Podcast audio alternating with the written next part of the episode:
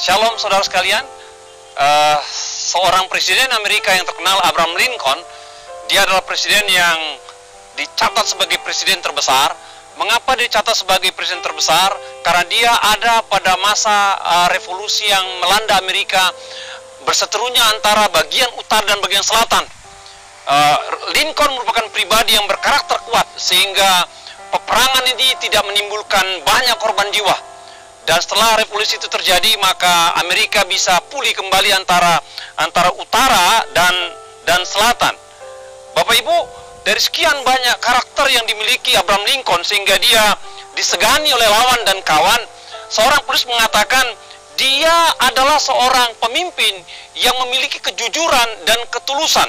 Itulah kekuatan karakternya. Dia adalah pemimpin yang memiliki kejujuran dan ketulusan.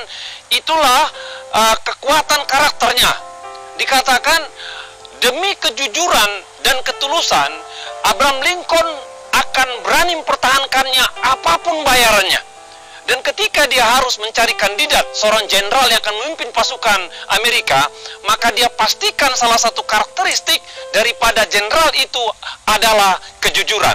Dengan kejujuran katanya, maka itu bisa menjadi sauh yang kuat bagi seorang pemimpin untuk mengajak uh, orang-orang uh, yang dipimpinnya ke mana pemimpin itu pergi.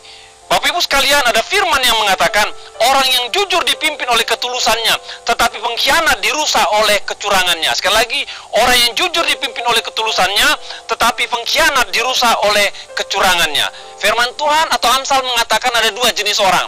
Satu dikatakan orang yang curang orang yang curang, orang yang berkhianat. Kalau orang curang dan berkhianat, memang satu langkah dia menang, namun setelah itu dia akan hilang, dia akan rusak kata Alkitab. Tidak pernah orang berkhianat dan curang itu awet. Tidak pernah orang berkhianat dan curang itu abadi, dia akan lewat. Namun dikatakan beda dengan orang yang jujur. Orang yang jujur akan dipimpin oleh ketulusannya. Kejujuran dan ketulusan akan memimpin orang dalam jangka waktu yang lama. Dan itu akan, akan menjadikan dia orang yang berkarakter kuat, diikuti oleh banyak orang. Bapak Ibu, pilihan di tangan Anda. Apakah kita mau menjadi orang yang curang atau orang yang jujur? Dan firman Tuhan katakan, pilihlah kejujuran, pilihlah ketulusan, maka engkau akan bisa memimpin orang dan engkau akan mendapat hormat baik di depan rekan-rekanmu maupun maupun lawan-lawanmu terlebih lagi di dalam pandangan mata Tuhan.